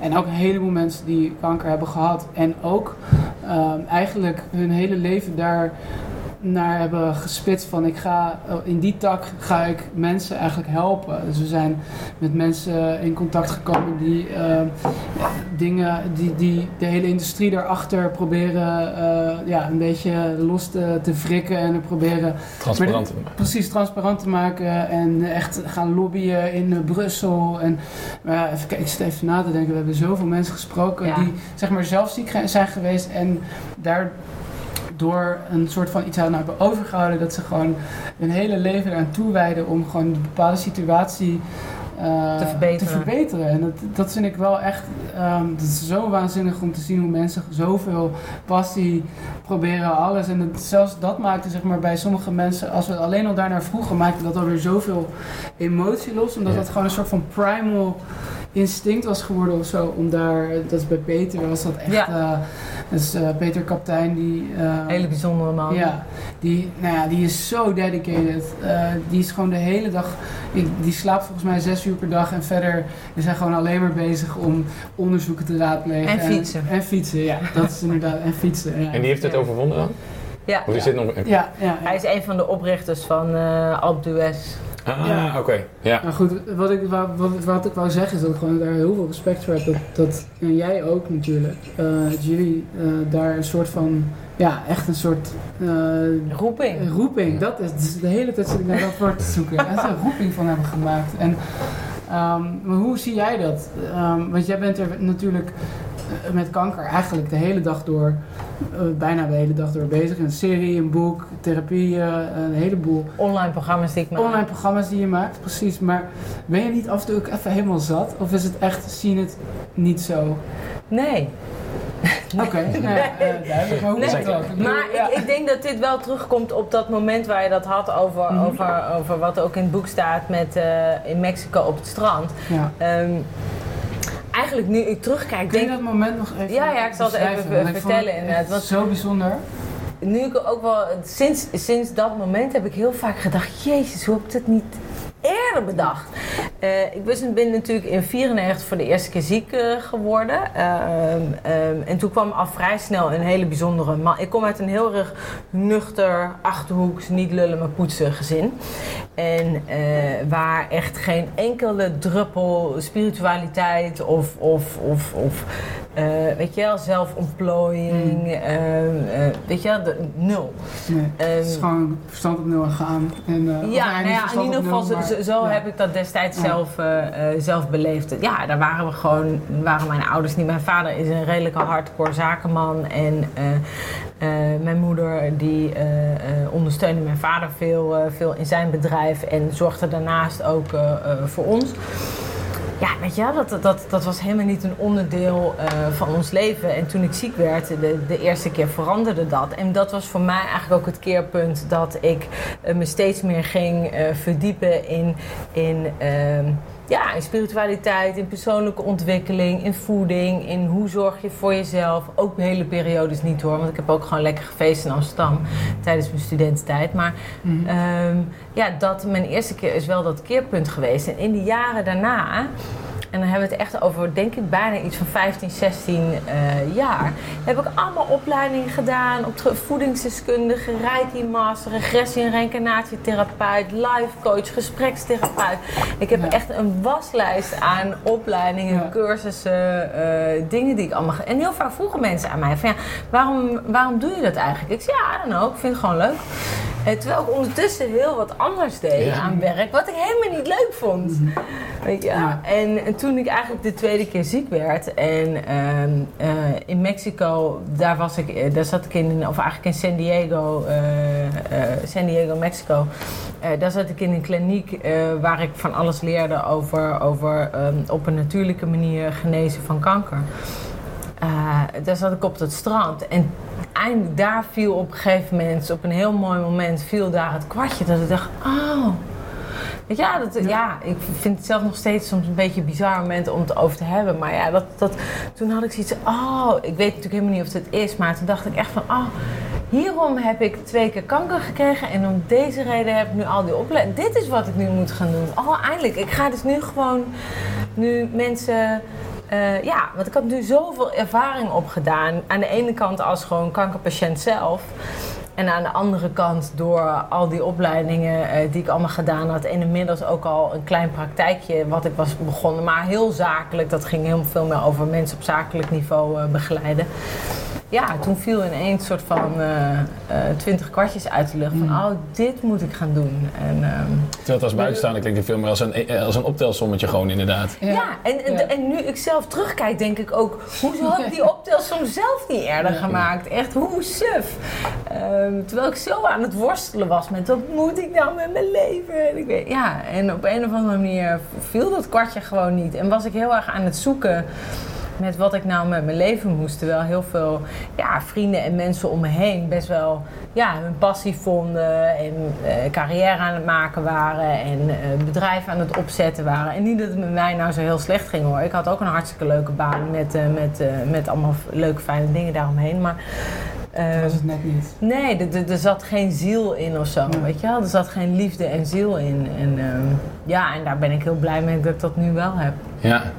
Ja maakt het denk ik ook gewoon fijn en iets makkelijker ook om als je zo'n realisatie hebt gehad om dan ja, weet je, voor te gaan. Ja. Voor mij heeft dat een gigantisch ja. verschil gemaakt tussen een uh, aan de ene kant daarvoor het leven eigenlijk best wel heel lastig en moeilijk en zwaar vinden. Weet je wel? Op het moment dat je continu dingen moet doen die je eigenlijk niet echt wil. En werk is natuurlijk een groot gedeelte van je dag. Tuurlijk, ja. Ik vond dat echt slopend. Ik vond ja. dat echt killing. En ja, en nu ja, uh, uh, is, dat, is dat heel anders. Ik moet nog steeds wel heel erg oppassen hoor. Want dat is wel de keerzijde ervan. Um, um, ja, weet je, ik kan niet meer zo hard en veel werken zoals ik dat vroeger kon. Hè? Ik, moet goed op mezelf letten. Het zijn soms hele periode dat ik, het, dat ik helemaal niet kan werken. En het heeft ook echt heel lang uh, geduurd uh, voordat ik überhaupt weer een beetje op niveau kwam uh, na de laatste keer. Maar ja, weet je, dat is ook een beetje met vallen en opstaan. Ja. En, je, en je, je, begeleidt nu mensen dus als therapeut, maar heb jij gedurende jouw nee, moeilijke fases ook, ook een Sophia gehad of zo? Uh, nou ja, ik, heb, ik, heb, ik, ik geloof wel heel erg dat als je zelf een therapeut bent, dan moet je zorgen dat je zelf ook goede onderhoudsbeurt blijft houden. Dus ik heb inderdaad al jaren een, een, een eigen therapeut, Kate. En ik ken Kate vanuit Amerika, want daar heb ik lang gewoond. En ja, en wij werken al inmiddels denk ik al een jaar of, nou wat zal het zijn? Ik denk nu al een jaar of tien samen. Oh, joh. Tien, twaalf. En uh, ja, en dat doen we eigenlijk altijd over Skype. En, uh, en dat is wel heel, uh, dat, ja, dat is heel fijn. Ik vind het wel. ja, ik raad het iedereen aan. Het, is een go- goede, het, het leven wordt een stuk makkelijker op het moment dat je iemand hebt die, eh, die je af en toe een beetje in, in een andere spiegel laat kijken. Of, eh, Weet je wat het is, hè? oh ja, of we zeggen van, oh joh, weet je, je kijkt er nu zo naar, maar je kan er ook zo naar kijken. Of eh, hè, misschien eh, moet je dat stuk eh, eens proberen, dat zit je blijkbaar heel erg dwars. Misschien moet je dat proberen een beetje los te laten. Praat dan makkelijker dan bijvoorbeeld met een, eh, met een Ellen of een Luc of andere mensen die heel dichtbij je staan om je woord te luisteren te leggen bij de therapeut? Het, ehm, eh, nee, het, het, het is niet makkelijker of moeilijker. Het, het is gewoon, ik vind het een heel groot verschil. Ja, heel veel mensen denken altijd, ja, maar je hebt toch je vrienden om mee te praten. Ja, met vrienden deel je je leven, maar die zijn niet opgeleid of getraind eh, in. eh, ehm, ja, in, in hoe je echt, moeilijk, eh, echt dingetjes, moeilijke of minder moeilijke dingen in het leven oplost. Weet je wel? Daar, ja, daar, ja, je brengt. ehm, ja, als je auto stuk is, breng je die ook niet naar een vriend die wel handig is in klussen. Weet je wel? Dan ga je ook gewoon naar een monteur, want die Ja. weet hoe een auto werkt. Ja, precies. Hè? En niet iemand die ja, toevallig wel eens een keertje Ja. Een binnenkant... scootertje, eh, Een spiegel scootertje. Ja, precies. Ja, nee, ik, ik zeg ook altijd van ja, het is gewoon relaxed om met iemand te, even te kletsen die gewoon ervoor gestudeerd heeft om te kletsen met mensen. En die jou ook gewoon niet kent. Nee, exact. Gewoon Want- helemaal want- zonder een gekleur inderdaad. Of, Op het moment eh, dat je, dat je iemand privé kent. Ik heb soms ook wel eens mensen die, die eh, in mijn naaste omgeving krijgen natuurlijk ook regelmatig mensen eh, eh, wel eens kanker. En die vragen dan ook wel eens van, goh, ik zou heel graag bij jou willen. Ja, en dan zeg ik toch altijd van, van ja, ik weet niet of dat handig Mhm. is. Want ik, ik ken je eigenlijk al veel te goed. Dus ik heb veel te veel een, een, gekleurde bril om... om, om bepaalde stukken met iemand, iemand te, kunnen, te kunnen doen. Dus ja, nee, ik, ik, ik, vind dat, ik vind daar een heel groot verschil tussen. Tussen eh, met vrienden praten of, eh, of met iemand praten die, daar, eh, die daarvoor geleerd, gestudeerd of in ieder geval zijn werk van gemaakt heeft. Ja. Nou, even terug eh, naar je serie. Oh ja, Die, ja, we zijn lekker aan het eh, meanderen, maar dat, Ja. is, eh, dat is alleen maar goed. dat Ja. was de bedoeling. Precies. Ehm, want ehm, hoe ben jij zeg maar tot die... we hebben acht afleveringen gemaakt met allerlei verschillende thema's. Zijn de eerste twee zijn redelijk algemeen, maar de, de andere zes zijn wel echt eh, toegespitst op een bepaald... Zijn dat, eh, hoe ben je tot die onderwerpen gekomen? Ehm, ja, dat ging, dat ging eh, eigenlijk ook weer een beetje zoals het boek, een beetje gewoon vanzelf. Mhm. Eh, en hij, heb ik eigenlijk ook weer een beetje hetzelfde gedaan. Want op een gegeven moment ging ik naar, ging naar huis met dit idee. eh, hadden we een meeting gehad. En ja, was er een go gegeven van... Nou ja, oké, goed. We gaan een serie maken. Acht afleveringen. Nou, Sophia, dan is nu de eerste zet in jou. Succes. Mhm. Ga maar schrijven. En... we horen je wel. Dus eh, toen ging ik naar huis. En het eerste wat ik dacht is dat ik dacht... Kak. Waarom doe ik dit nou? Eh, weet je Ja, heb je dat Dan- echt even gedacht? ja, dat Daar had ben ik ik, aan begonnen. had ik ook met het boek. Ja. Had ik ook even zo'n momenten dat ik, weet je, dan ben je super blij. Dan Ja. ben je zo bezig met dat je heel graag die kans wil krijgen. En dan zeggen mensen, ja, is goed, hier heb je je kans. En dan denk je, fuck, nou moet ik het gaan doen. En hoe kom je daar overheen? Eh, Dat is denk ik wel even... Ge- gewoon, gewoon Beginnen. Gewoon beginnen. En eh, ik, nou ja, en dan, ik heb volgens mij een dag lopen pielen op een eerste aflevering. En er kwam natuurlijk helemaal niks uit. En op een gegeven moment dacht ik, nou ja, ik begin maar gewoon, ik begin maar gewoon ergens in het midden. En dan, Ja, eh, en dan zien we wel. En ik wilde een aflevering die er in eerste instantie in zat, was een aflevering over de dood. Mhm. Maar, eh, want het, ik vind het een heel boeiend en interessant onderwerp. waar naar mijn beleving, zeker in onze westerse maatschappij, veel te weinig over gepraat wordt. Terwijl, we, eh, terwijl het, we gaan allemaal dood Mhm. op een gegeven moment. Ja. En er zit zo'n enorm angst en taboe zit daar ook op. Hè? Er wil niemand Het over het praten. Het is eng. mensen en- denken als je kanker hoort. ja, en uiteindelijk kwam die, kwam die aflevering gewoon niet lekker uit de verf. En ja, dat vind ik dan wel weer mooi aan zo'n creatief proces. Uiteindelijk zit het heel mooi. Nu, nu, want we hebben bijna alle interviews wel gedaan. En het komt denk ik bijna in elke aflevering toch wel heel Dat. mooi als een rode draad wel overal steeds naar voren. Dus het had helemaal niet. Het had uiteindelijk helemaal niet een eigen aflevering nodig. En En, hebben die eh, gewoon lekker vervangen, die hele aflevering, door seks. Dus, Ja, ja. nu praten we over seks. precies. Ook leuk. Ja, Ja. En de, de andere aflevering, ik ben gewoon op een gegeven moment heel ga- gaan nadenken. Zo van, oké, wat, wat heb ik zelf lastig gevonden. En in de, ik, ik praat natuurlijk hele dagen met ontzettend veel mensen die zelf met de ziekte dealen. Dus daardoor heb ik ook een heel goed beeld uh, of denk ik wel dat ik een heel goed beeld heb van wat er leeft onder de gemiddelde kankerpatiënt. Dus daar heb ik gewoon mijn inspiratie uit, uitgeput. Ik weet dat heel veel mensen worstelen met, uh, met hun sociale omgeving. Hè? De, van hoe ga je daar nou mee om? Uh, hoe, hoe, deel je daar nou mee? Hoe, hoe ga je nou om met, met een schoonmoeder die veel te overheersend is en de hele tijd ongevraagd bij je thuis komt en allemaal dingen gaat doen terwijl je eigenlijk gewoon even je eigen space nodig hebt. Um, uh, en hoe ga je om met keuzes maken? En nou, sommige dingen vond ik zelf ook heel interessant om, om meer uit te zoeken. Bijvoorbeeld over de industrie vond ik zelf een interessant.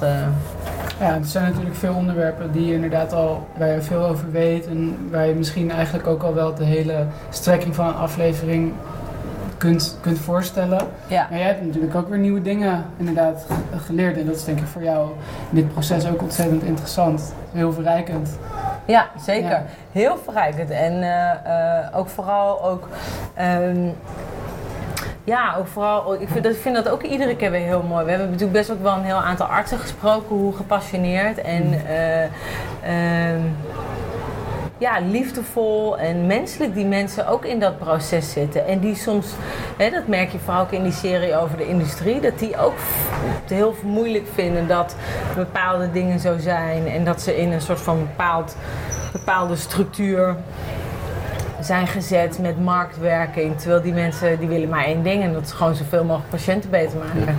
En, uh, en dat dat soms ook lastig is door, ja, doordat we bepaalde, uh, ja, bepaalde wetgeving hebben of doordat we bepaalde wetgeving juist niet hebben. En uh, ja.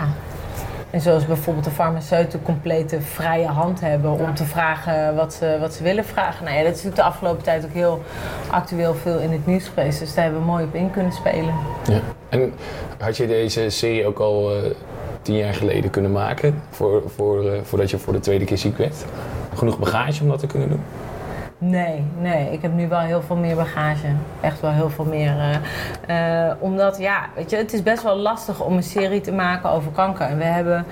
Um, uh, kijk, dat is natuurlijk mijn wereld. Dus ik, ik ken ontzettend veel artsen, veel ziekenhuizen. ik ken ontzettend veel patiënten. Ehm, dus ja, voor mij, de, al de lijntjes met iedereen die we gesproken hebben, dat zijn allemaal voor mij hele korte lijntjes.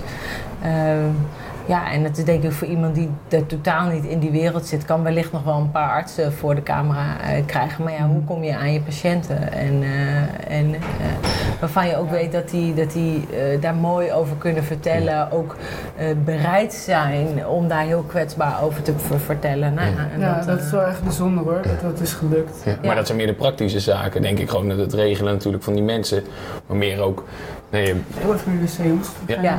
Vergeet je mute-knopje niet. Nee. maar je bent... Uh, uh, nee, je hebt in die hele lange periode ook heel veel zelf verder uitgezocht. Je bent, uh, toen had je voor de eerste keer die ziekte gehad en daarna ben je een hele andere kant op gedoken. En nu ben je veel verder los van die praktische zaken, toch? Dan... Bedoel je voor de serie of überhaupt? Ja, nee, allebei eigenlijk. Want die serie had je niet gemaakt als je persoonlijk dan niet zo ver was. Als dat je nee, nee, zeker. Nou ja, de, de, de serie, dat, dat is meer praktisch. Dat, je, dat, je, dat ik het netwerk heb uh, waarbij je heel makkelijk uit een heel, heel, uh, hele grote vijver kan vissen. Van oké, okay, die, vraag, die vraag ik daarvoor. Weet je wel, voor iedereen die we geïnterviewd hadden, hadden we drie, had ik drie of vier opties in mijn, in mijn netwerk. Nou ja, dan, dan, ja, dan kan je heel mooi kiezen van oké, okay, wie zet ik daar neer, weet je wel? Omdat ik, ja, de meeste mensen ken ik ook best wel goed. Uh, dus ja, dan weet je ook wel een beetje wat ze gaan vertellen. En, uh, en ik wilde juist al die verschillende kanten laten zien. Uh, en nou ja, en dat, dat is hopelijk, denk ik, denk ik mooi, mooi gelukt. En... Um, maar ja, qua, ik, qua zoeken in mijn eigen zoektocht, ja, dat, dat is iets wat ik denk, dat denk ik nooit ophoudt. Nee. Sophia zoekt verder is denk ik wel een redelijke, aan de ene kant ook wel ergens, ja, hoe ik zelf ook in het leven sta. Uh, ik vind dat je, je, nou ja, je moet niks, maar ik heb zelf enorme behoefte om altijd door te blijven zoeken en een open geest te houden. En ook een bepaalde vloeibaarheid te houden in de meningen of overtuigingen die je denkt te hebben. Want ja, je kan vandaag de dag dit wel denken, maar er kunnen allerlei zaken in je leven gebeuren. eh, waardoor je daar toch weer net weer iets anders in komt staan. En eh, ik denk dat het heel belangrijk is daar niet. eh, eh, niet te rigide in, in, in je overtuigingen te staan en juist een open vizier te houden. Ik denk dat je daardoor heel veel leert Ehm, ehm, en dat dat het leven ook veel, veel interessanter maakt. Ja, en je, eh, want je hebt een, eh, eerder vertelde dat je, eh, er heel veel is veranderd op het ge- gebied van de aanpak van, eh, eh, van kanker. Dus je hebt het midden jaren 90 gehad. Wat is er dan eh, veranderd ten, opzichte van de tweede keer? Zijn de artsen hebben die een andere opinie gekregen over de aanpak? Of? Nou, dat, dat, het, eh, dat is niet een hele makkelijke vraag om te beantwoorden, want dat ligt er heel erg aan over welk type kanker dat je hebt. Maar de, heel veel de behandelingen zelf zijn, eh, bijvoorbeeld vroeger was er chemo en vandaag is er nog steeds chemo. Alleen de chemo zelf heeft ook een hele ontwikkeling doorgemaakt, waarbij ik in 94 eh, een chemo kreeg die, die super heftig was. En waar wel echt maar de vraag was of ik dat allemaal wel fysiek aan zou kunnen en of ik daar wellicht ook niet aan zou sterven. Ehm, ja, de chemo's vandaag de dag zijn heel effectief en, en vaak veel minder, eh, veel minder heftig. Eh, of in ieder geval minder heftig. Ligt, wederom ligt er heel erg aan eh, ehm, wat, wat precies de situatie is. En, en we hebben natuurlijk de afgelopen paar jaren heel veel mooie nieuwe ontwikkelingen gezien. We hebben immunotherapie, is denk ik een van de meest bekende.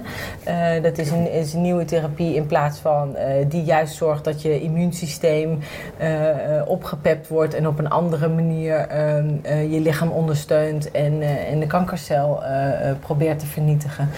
Ja, en, en ik merk ook wel dat er langzaam echt een shift komt in artsen die eh, ook hun vizier wat breder trekken. Die nog steeds heel wetenschappelijk naar hun vak kijken. En dat, dat is heel goed. Eh, maar die ook wel of door persoonlijke ervaringen of doordat ze inmiddels best wel veel patiënten hebben gehad die daar anders in kijken. Die inmiddels ook wel doorhebben van nou, oké, weet je wel, misschien voeding is misschien niet iets wat geneest, maar eh, ziektekanker en daar, ook daar zijn de meningen eh, in, ver- in verdeeld. Maar artsen, je ziet wel artsen die steeds meer eh, ervan overtuigd zijn dat voeding wel een hele belangrijk eh, ehm, ja, hulpmiddel kan zijn en in, qua ondersteuning van je lijf. En, eh, nou ja, en dat is denk ik wel een hele mooie, mooie vooruitgang. En een van die artsen zit ook weer in de, in de serie. Die heeft daar heel mooi over verteld. Over hoe zij... Ja, zij zijn aan de ene kant oncologisch chirurg... en aan de andere kant is ze ortomoleculair voedingsdeskundige. Ja, dat is een onwijs bijzondere combinatie... die denk ik eh 10, 20 jaar geleden echt no way was tegengekomen. Dus ja, en er komen steeds meer jongere artsen eh, studeren af... die ook ehm, hopelijk ehm, ja, wat meer met een ouderwetse wetenschappelijke mindset. Want een, ja, een wetenschappelijke instelling is juist dat je je openstelt. Hè? Openstelt voor ehm, ja, hoe dingen kunnen, kunnen gaan. En, eh, Ja, en voor allerlei eh, inderdaad eh, theorieën en Ja. ja, dat is wel. Wat, je, wat je inderdaad, het is grappig dat je daar zo'n grote tweedeling in hebt, of niet eens een tweedeling, maar dat er gewoon op zoveel manieren naar die wetenschap gekeken kan worden. Dat je ook maar volgens mij geluk moet hebben met wie je als arts uiteindelijk. Ja, denk ik ook wel een beetje inderdaad. Ja. Dat is, ja, dat is gek eigenlijk dat dat. Daarom dat is het goed werkt. dat de second opinion Ja, dat sowieso. Ja. Ja. En dat wij daar nu een serie over maken o- Ja. en uitleggen eh, hoe het, hoe het ook kan. Is dat Ja. altijd? Heb je dat altijd, een second opinion? Of moet je daar zelf voor gaan? Nou, dit- dat is wel iets wat je zelf moet initiëren. Eh, maar dat is wel altijd wat ik, wat ik de meeste van mijn cliënten zijn ze, mits ze in die fase zijn, wat, wat ik ze wel adviseer. Eh, ja, tenzij ze meteen vanaf moment één supergoed gevoel hebben en helemaal zich veilig en vertrouwd. En weet je, als het helemaal snor zit, dan, ja, nou ja, dan kun je afvragen wat het dan nog voor meerwaarde heeft. Maar ja, eh, ehm, ja, als, als je dat toch niet zo heel intens voelt van nou dit is helemaal oké, eh, eh, ja, dan, dan adviseer ik dat zeker. En zeker als mensen bijvoorbeeld in een, uh, in een streekziekenhuis behandeld worden, die kunnen dat wel.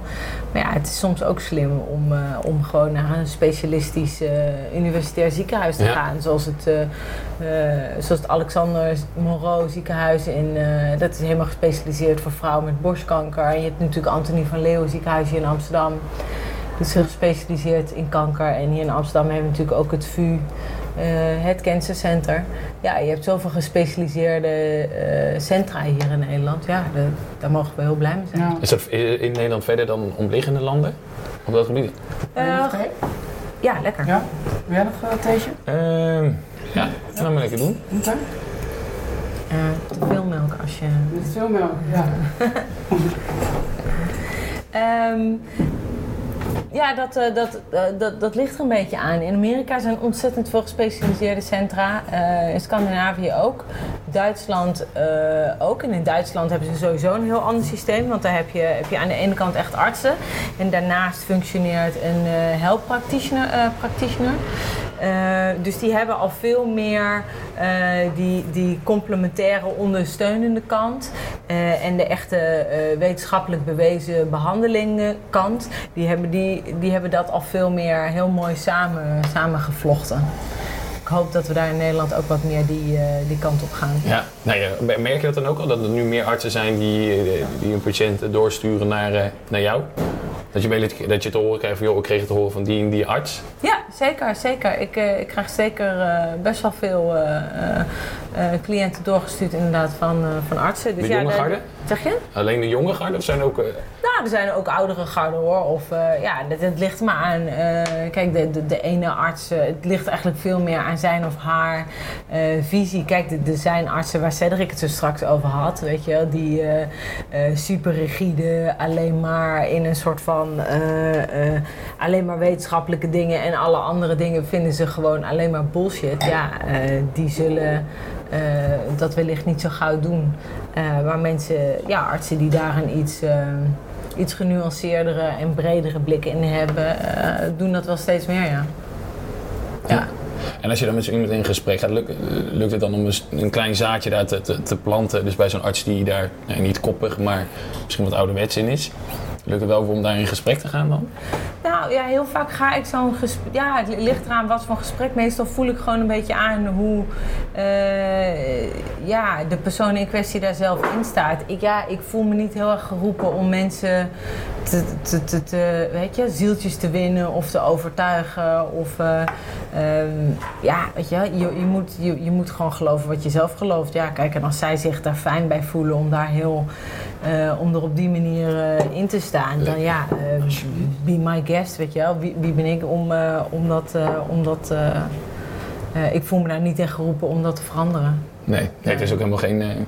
Weet je, wel, want dat, dat wordt toch altijd een soort van bedweter verhaaltje. En ja, maar dit en ja, maar dat. En ja, mensen die daar heel rigide in staan, dat, dat, ja, dat, dat, praat toch niet, dat praat niet zo lekker. Dus, Nee. dus dat laat ik meestal maar.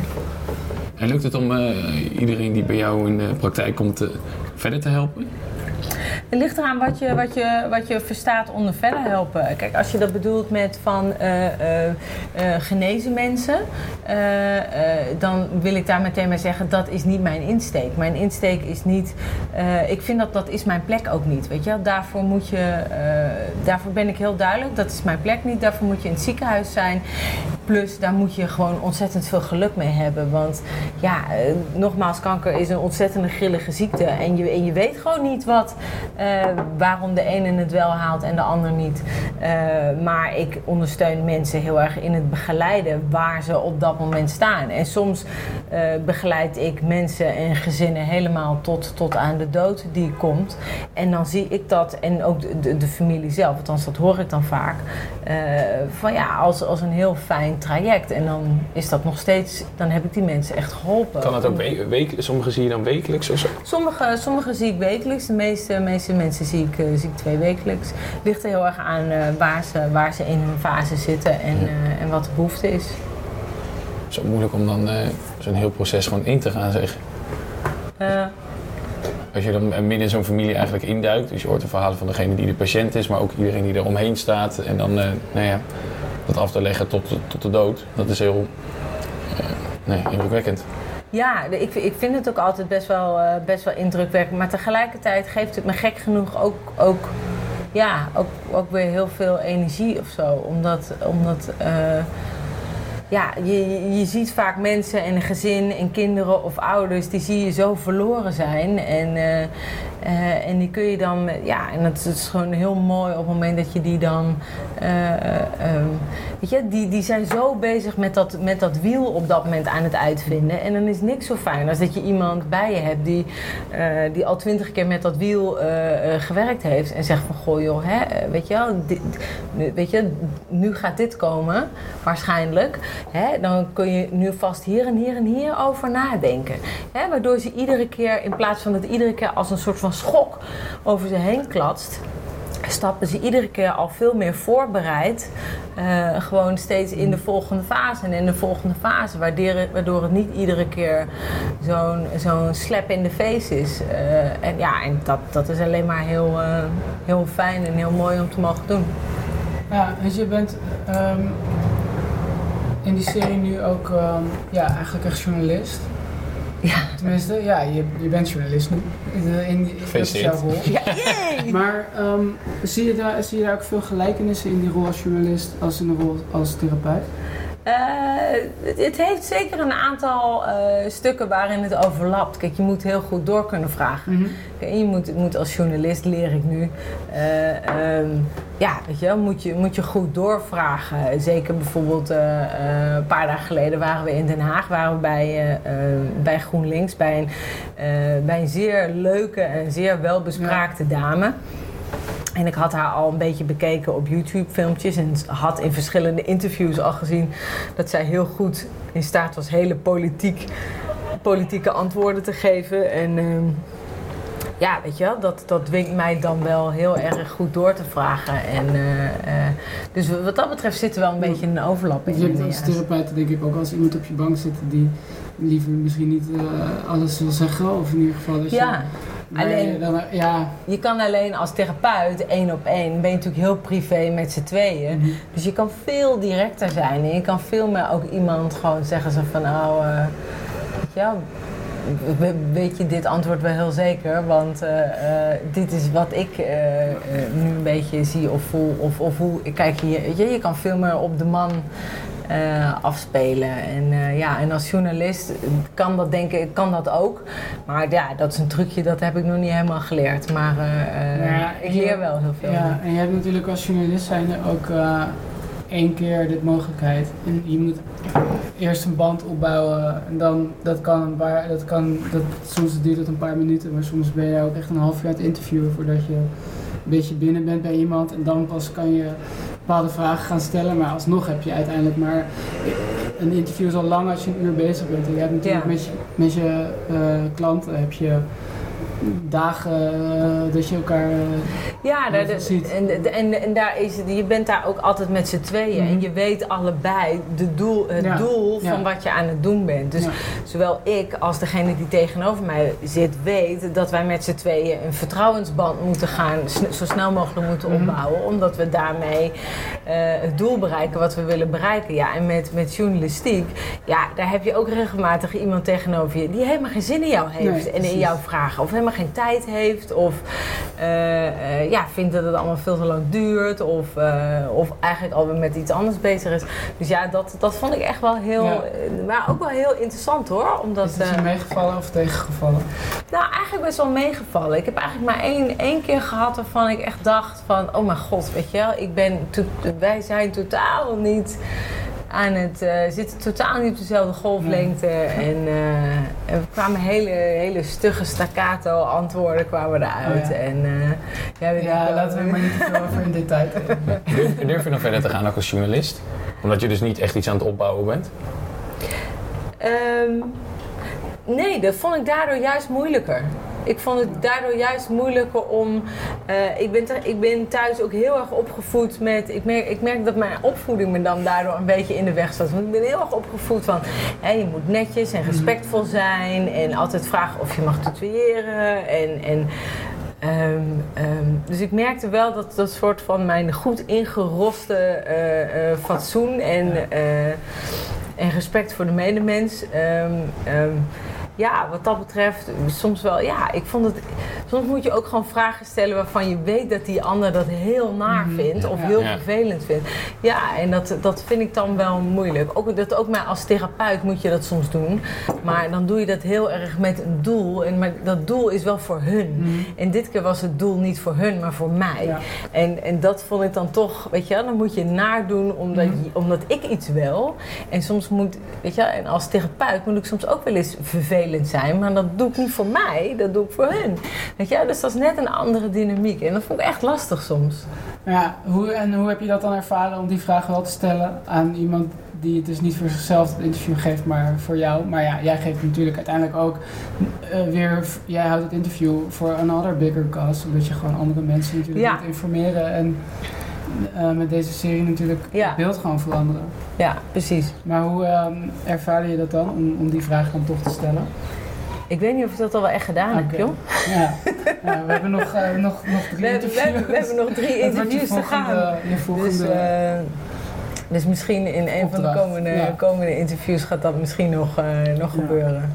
Maar wij hebben op journalistiek ook echt interviewles gekregen. En dan moest je ook ehm, bijvoorbeeld, eh, nou ja, dan, vroeg de docent echt aan je van, ja, wat voor persoon ben jij normaal gesproken in een gesprek? Ben jij juist degene die het gesprek leidt? Of blijf jij juist altijd een beetje eh, kat uit de boom kijken? En dan kregen we op een gegeven moment ook een opdracht van, oké, kunnen jullie deze week, ehm, als jullie bijvoorbeeld op een feestje zijn, of je bent met iemand aan het studeren, of je bent met iemand, in ieder geval je hebt een gesprek met iemand, probeer dan eventjes die andere persoon te zijn die je normaal gesproken niet bent in een gesprek. En let er dan even op hoe je, daar, hoe je je voelt in die rol. En dat is zo'n openbaring van, oh wow, nu ben ik degene die, dat in mijn geval is dan, ik ben dan degene die luistert. En dat is voor mij echt eh, super moeilijk, omdat ik heel graag alles wil vertellen en ervaringen delen. En dan zat ik echt zo, oh, dit is leuk als je mensen gewoon helemaal hun gang Als je sociaal doet ineens. Ja, dat is opeens normaal. Nee, ja. Maar dan op een gegeven moment merkte ik ook wel weer van ja, maar nu vers, verzandt het ook wel een beetje of zo, weet je. En dan, Ja. dat was heel interessant om daar dan een soort van manier in te vinden om, om dat natuurlijk te laten verlopen. Wel, wel echt leuk om, eh, om te leren. Ja. Ik kan me voorstellen dat het En dat jou- leer je, leer je tijdens de opleidingen. Een van Ja. de dingen le- leer je dat ook. Ja, het heeft natuurlijk een hele andere insteek. Mm. Maar ja, weet je, dan moet je ook echt goed leren luisteren. En, eh, en ook nog leren luisteren. Dat soms hoor je dat mensen, dat, dat leer je denk ik misschien ook in journalistiek. Eh, ik weet alleen niet hoe ze dat daar hier leren. Maar dan moet je gewoon goed luisteren. En dan vertelt mensen, en op een gegeven moment zeggen ze iets en dan denk je, hé. Hey, daar, Mm. daar, daar zit, Ja. daar, daar moet je een beetje je onderbuikgevoel Ja. gebruiken. Daar zit iets achter. En daar dan vervolgens verder op gaan lopen pilliken. Ja, dat is moeilijk hoor. Ja. Ja, sowieso was het bij ons eh, ook. ehm, nou ja, je, mag, je mag maar vier vragen stellen en het interview moet 10 minuten duren of zo. Dat was ook zo'n opdracht. Heel grappig. Van, dan, je mocht dan drie vragen bedenken en je mocht volgens mij niet doorvragen. En je moest er wel voor zorgen dat er dus zo open mogelijk antwoorden, of eh, zo open mogelijk een vraag stellen. Weet je wel, dat soort leuke dingen. Maar ik merk wel dat ehm, als je dat ja, dat zou jij waarschijnlijk ook als therapeut zijn. Of jij hebt jouw, jouw opleiding waarschijnlijk ook heel veel van dat soort grappige trainingjes en techniekjes. eh, Zeker, zeker, ja. Ja. Want je hebt mensen die, die zijn eh, een soort van ratelaar. hè? Mhm. Die, die blijven ratelen eh, om maar niet eh, eh, naar dat pijnpunt eh, te gaan. En je hebt ook mensen, ja, dat, dat- die zijn, zijn een soort van eh, gefrustreerde, dichtgeslagen oester. ja. Weet je, daar moet je, eh, ja, die moet, daar moet je zo aan lopen prikken en duwen. En, eh, Benoem je dat ook zo? Of niet op deze manier letterlijk, nee, maar zeggen nee, lopen. dat, dat, dat is niet de officiële terminologie. Nee, nee, nee, nee, nee, nee, nee. Ehm, ja, en, en daar, moet je, daar moet je best wel gewoon eh, eh, een, beetje, een beetje aan duwen en trekken. En soms zeg ik dan ook wel eens ook gewoon hoor, ook als in therapeuten van goh joh, eh, hè, we zijn niet met een doel. Ja. Ehm, eh, je bent best gesloten. Ehm, eh, hè? Tell more.